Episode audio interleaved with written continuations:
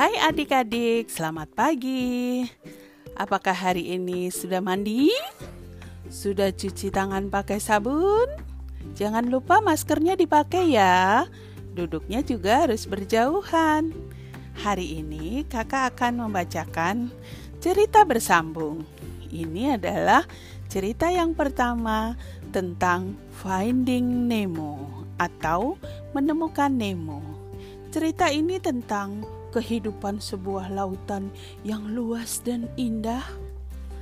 Ada seekor ikan bapak namanya Marlin.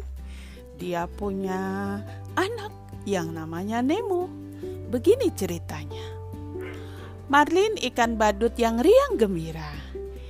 Ia memiliki semua yang diinginkannya.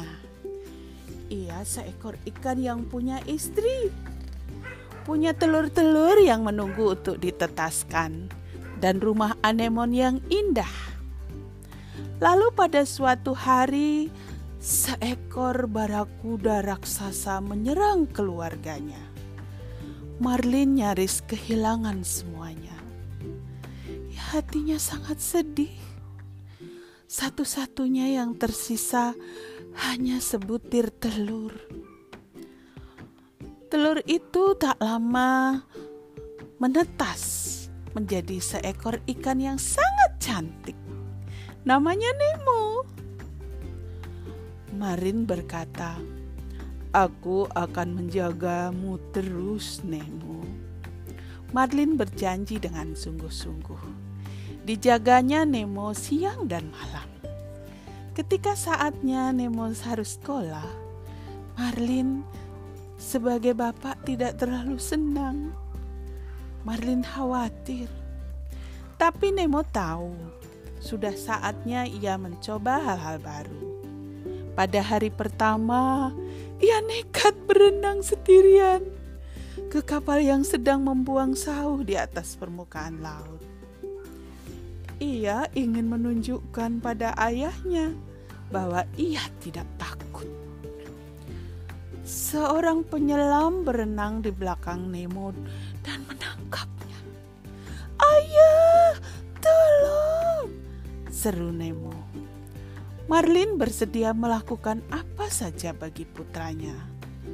Jadi, dengan gagah berani, ia mengejar para penyelam itu. Tapi sebelum mencapai ke kapal, kapal itu telah melesat jauh pergi begitu cepatnya hingga salah satu masker penyelamnya terjatuh ke laut. Marlin panik.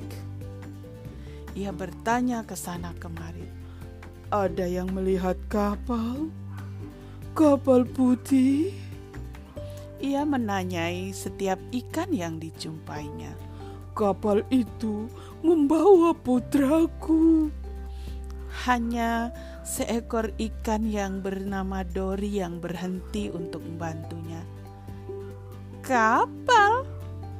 Itu dia pergi um, ke arah sana, katanya. Ayo ikut aku.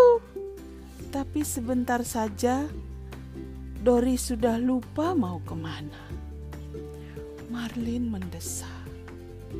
Sedih sekali tak akan mudah menemukan Nemo. Nah, adik-adik, nanti akan disambung untuk cerita berikutnya. Tunggu ya, tapi jangan lupa selalu pakai masker, cuci tangan pakai sabun, dan tidak bergerombol. Selamat pagi, adik-adik semua.